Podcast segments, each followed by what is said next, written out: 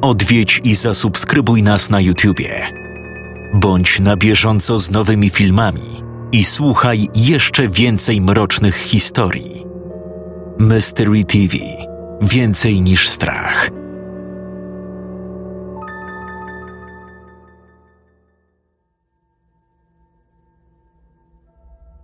Największy błąd, jaki kiedykolwiek popełniłem, miał miejsce około 12 lat temu.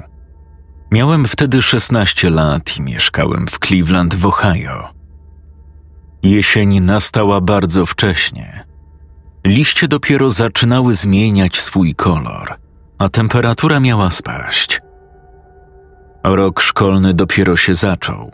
Trwał jeden miesiąc, więc całe podekscytowanie spotkaniem się ze starymi kolegami zostało stłumione świadomością bycia jeńcami w miejscu, które tylko chciało nałożyć na nas mnóstwo pracy. Wiadomo, ja i moi koledzy bardzo chcieliśmy robić cokolwiek, co mogłoby przypomnieć nam o beztroskich dniach wakacji. Wcześniejszego roku, kiedy czas szkoły minął, jeden z moich kolegów z pracy pracowałem w McDonaldzie. Wiem, że ludzie myślą, że to żałosna praca, ale spędzałem tam fajnie czas. Więc ten kolega nauczył mnie pewnej techniki pozwalającej ci zemdleć z pomocą kogoś innego. Czasami to działało tak. Jedna osoba bierze dziesięć bardzo szybkich, ciężkich wdechów, a na dziesiątym, ostatnim, ściska mocno zamknięte oczy i wstrzymuje oddech najdłużej i najciaśniej jak może, jednocześnie uciskając nadgarstki nad sercem – Asystent musi ścisnąć tę osobę z całej siły jak niedźwiedź oraz przyciskać jej nadgarstki do serca. Za parę sekund osoba wstrzymująca oddech powinna stracić przytomność.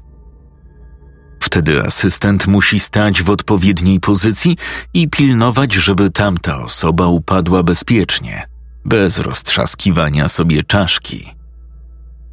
Efekt działał zaledwie na kilka sekund.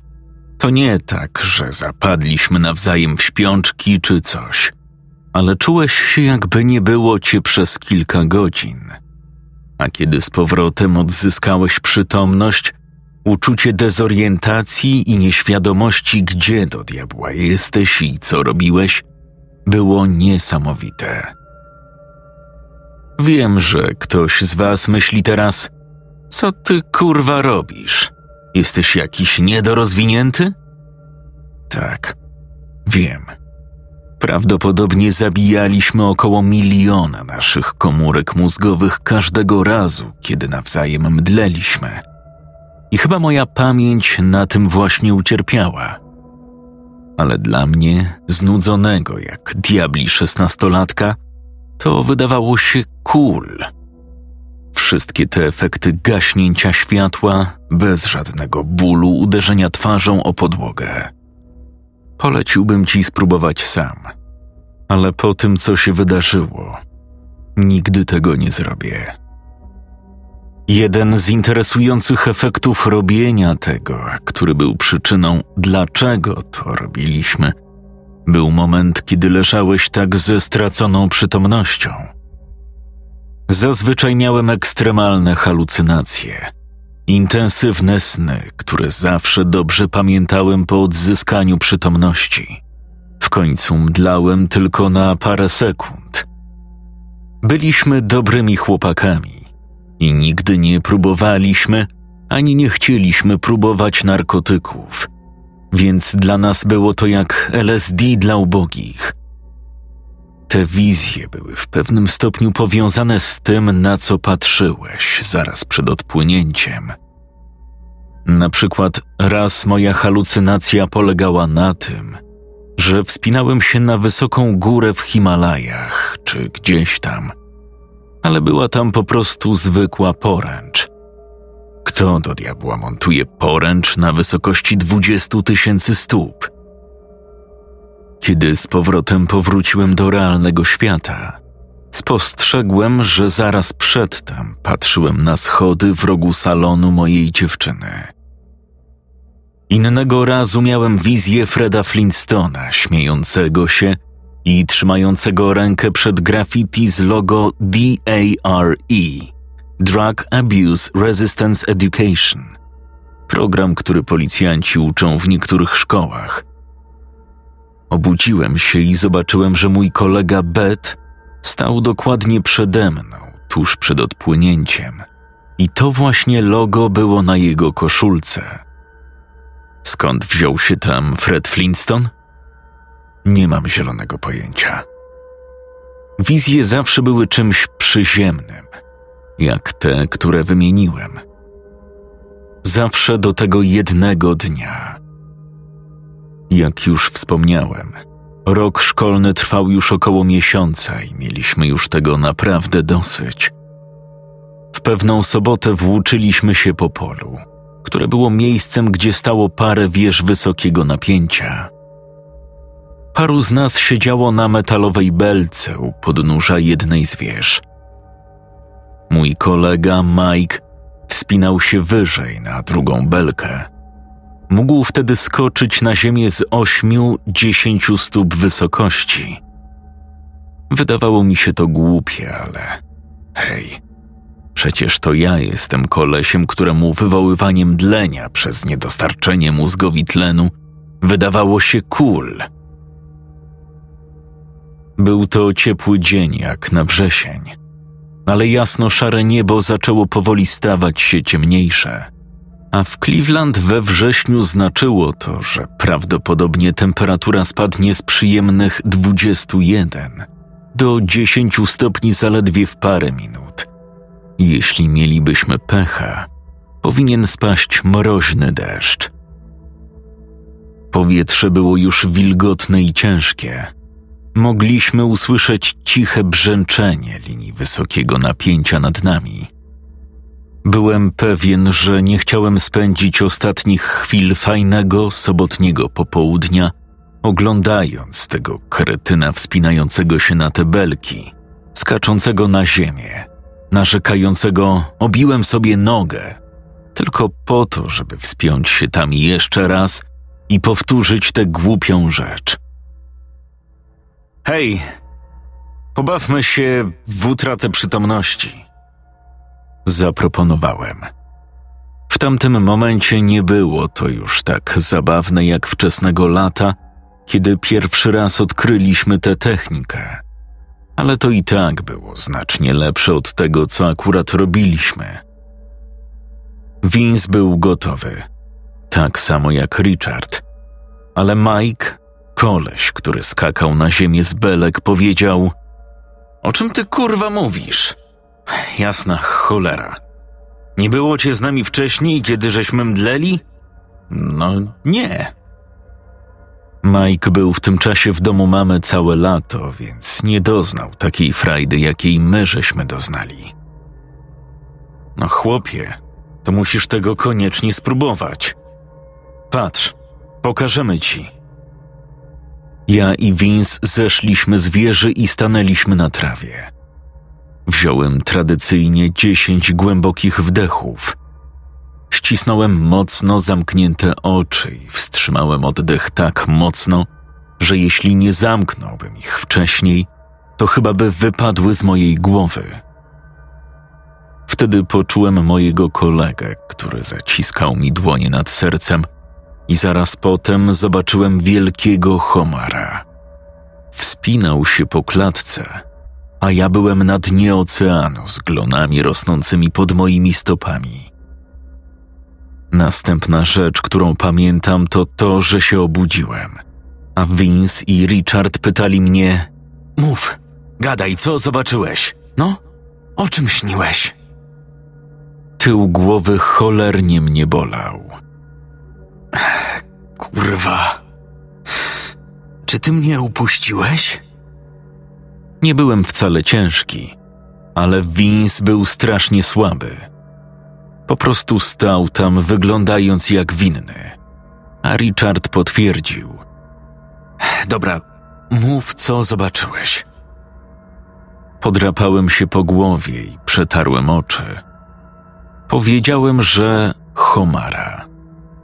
Szczypał Winsa w głowę. Podszedłem do Majka, który oglądał wszystko z belki obok. No i jak? Widzisz?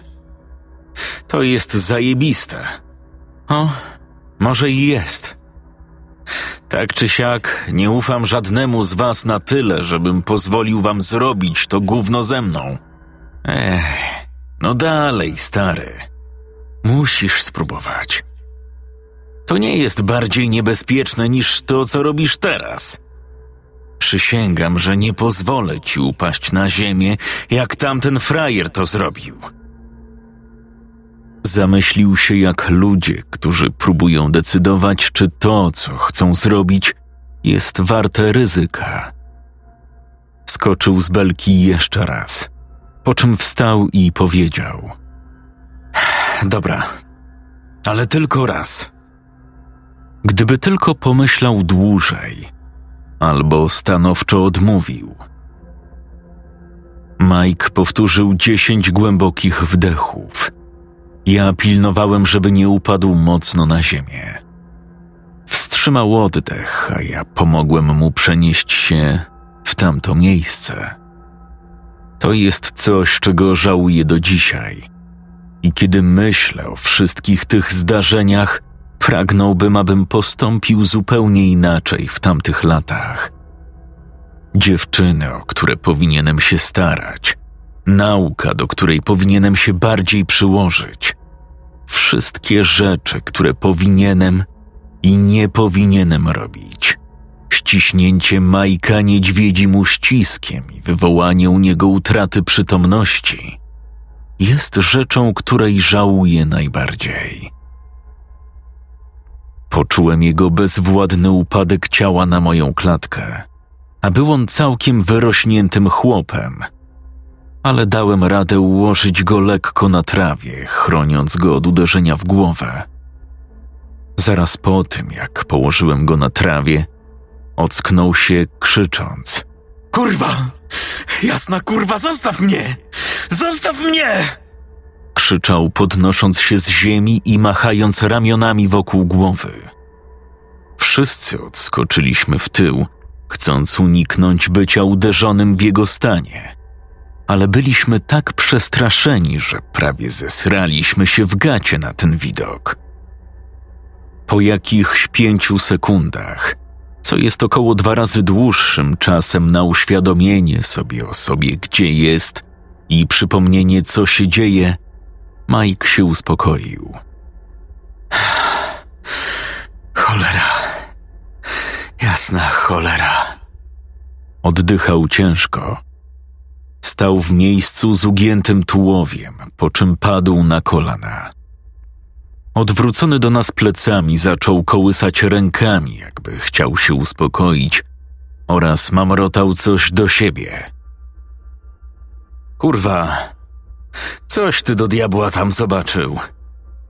Zapytał Vince. Lecz Mike nie odpowiedział.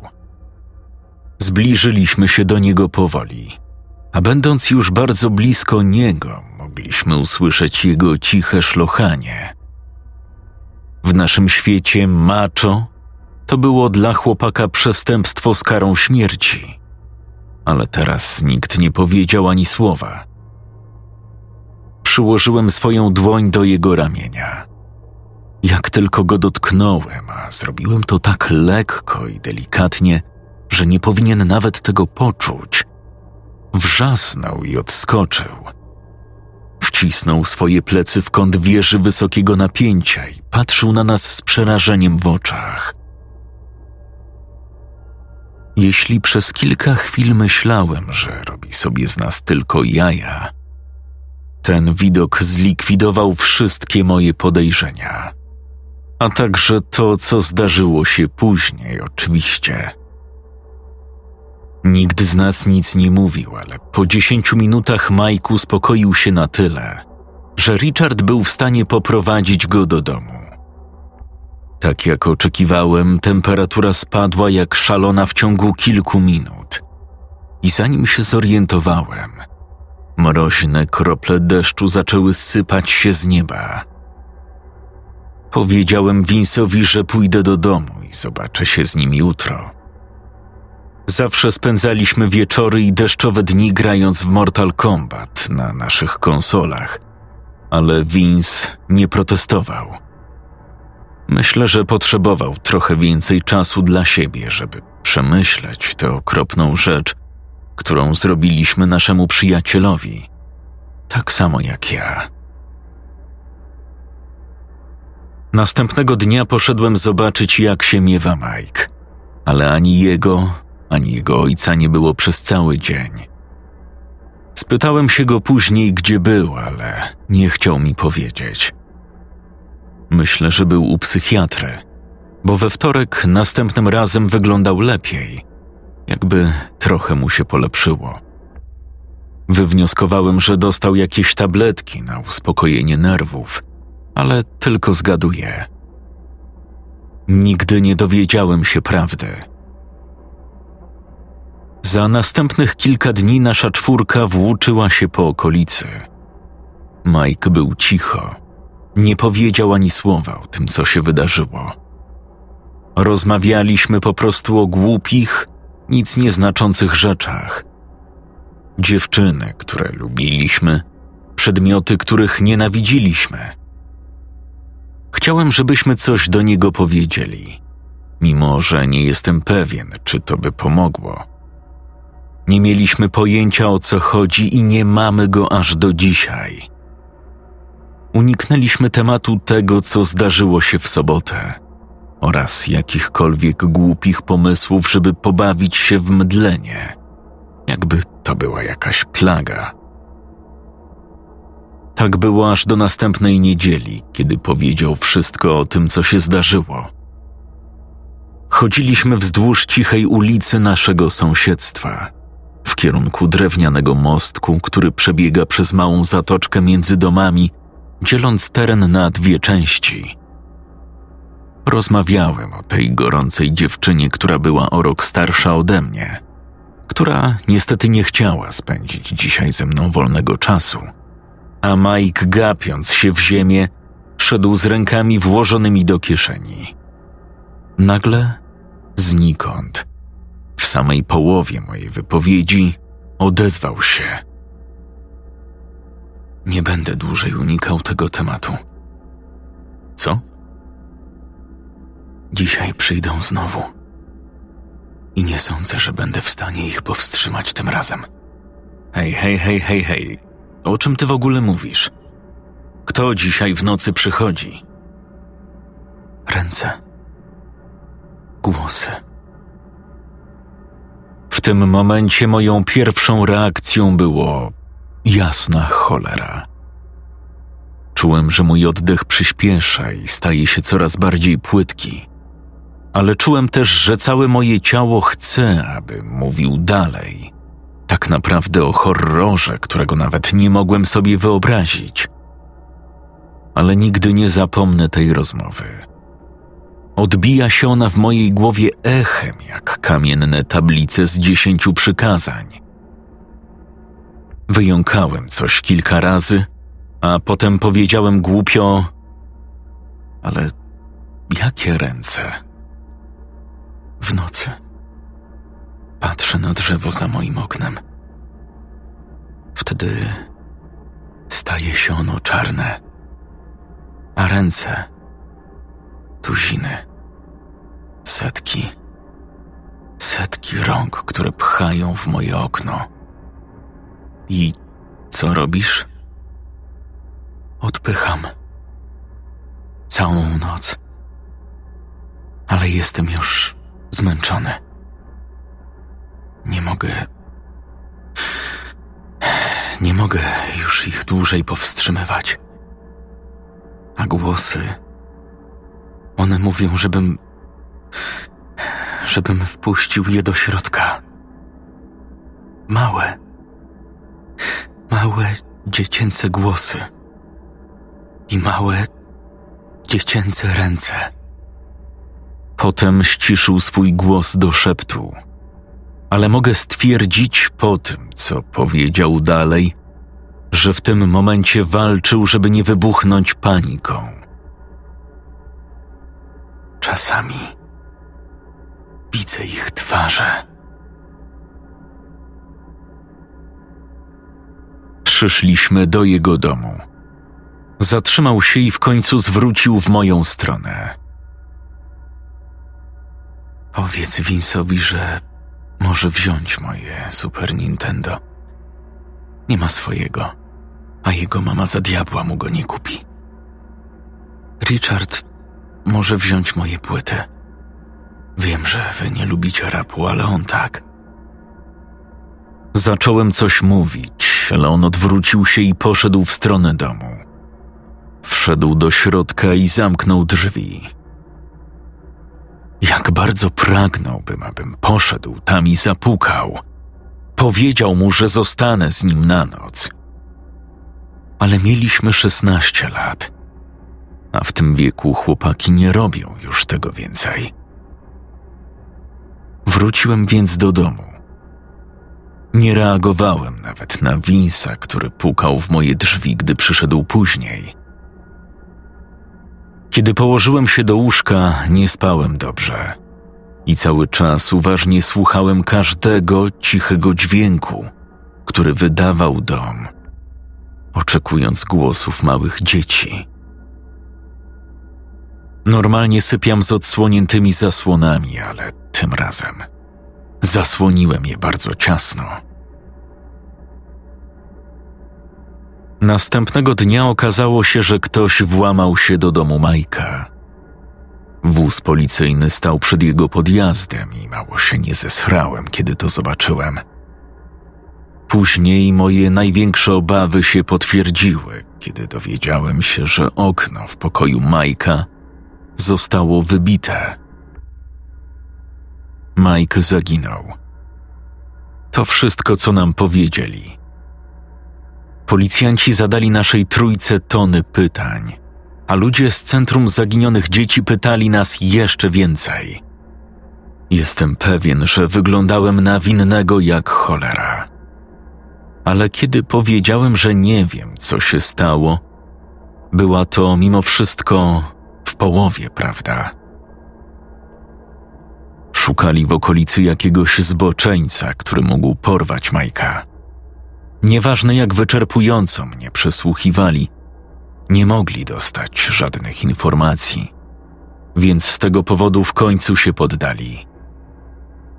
Mike był na kartonach z mlekiem i w programie telewizyjnym o zaginionych dzieciach, ale do dzisiejszego dnia wciąż jest przypadkiem bez wyjaśnienia. Kiedy to wszystko minęło, Poszedłem do biblioteki, żeby poszukać informacji na temat, co się do chuja stało, ponieważ w tamtych dniach, kiedy internet był narzędziem do szukania informacji, stać na niego było tylko naukowców albo ludzi, którzy mogli kupić sobie komputer za pięć tysięcy dolców. Nie znalazłem zbyt wiele. Jedyną, najbardziej związaną z tą sprawą rzeczą było coś, co odkryłem później – w mojej klasie na historii świata. Widocznie w przeszłości egipscy duchowni zamykali się w trumnie na czas tak długi, że prawie umierali. Następnie ktoś wydostawał ich z trumien, a oni opowiadali o tym, co zobaczyli w zaświatach. Mogę się tylko domyślać, że może elektryka w powietrzu lub pogoda sprawiła, że Mike zaszedł w tamtym stanie o wiele dalej niż my i mógł doznać czegoś, co doznawali starożytni duchowni z Egiptu. Ale z drugiej strony, ja też zemdlałem. Dokładnie w tym samym miejscu, gdzie potem Mike. Czy byliśmy po prostu inaczej wrażliwi na tamto miejsce? A może mój upadek głową na ziemię uratował mnie przed nimi? Nie wiem. I nie wydaje mi się, że kiedykolwiek będę wiedział. Ale to wciąż wywołuje u mnie dreszcze.